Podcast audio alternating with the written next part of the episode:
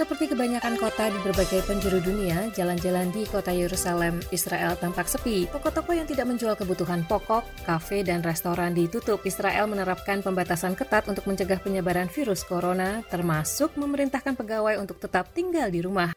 Namun bagi yang masih lajang, hal itu tidak menyurutkan aktivitas mereka dalam mencari jodoh. Proyek layanan kencan yang disebut Love from a Distance atau Cinta Jarak Jauh merupakan gagasan Meraf David yang berasal dari Israel. Layanan kencan itu menggunakan aplikasi konferensi video Zoom untuk mengatasi peraturan yang mengurung banyak orang di dalam rumah. David, seorang programmer di agensi Yahudi yang berusia 32 tahun mengatakan, tujuannya adalah menciptakan aplikasi kencan yang tidak membutuhkan ratusan foto dan data diri. Aplikasi Zoom memberi tambahan aspek kesegeraan. David mengatakan ia menghabiskan waktu sepanjang malam melihat beberapa aplikasi kencan. Yeah, I was spending the all evenings uh, just through all these uh, apps, uh, dating apps. And I found out it's taken like so long, like so many. Saya rasa itu membutuhkan waktu yang lama dan saya tidak menemukan seseorang yang dapat langsung saya pelajari latar belakangnya lebih jauh dan melakukan kencan pertama.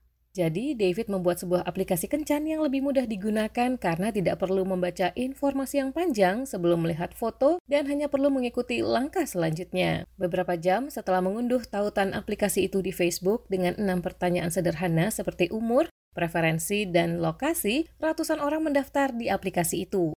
David kemudian mencocokkan data diri mereka dan meneruskannya melalui aplikasi Zoom. Liron, salah seorang pengguna aplikasi kencan itu mengatakan, ada banyak platform berbeda yang membuat kita dapat mengenal atau menemui seseorang yang cocok untuk berkencan. Namun menurutnya, karena kita harus tinggal di rumah, penggunaan platform Zoom ini lebih baik. Kita dapat melihat orang itu, berbicara langsung, dan melihat ekspresi wajahnya yang berbeda-beda. Satu minggu setelah aplikasi itu diperkenalkan lewat Facebook, lebih dari 800 orang ikut mendaftar dan 50 pasangan bertemu lewat proyek Love from a Distance. Setidaknya lima pasangan benar-benar menyukai satu sama lain, kata David. All like kind of upset and we don't really know what's gonna be happened.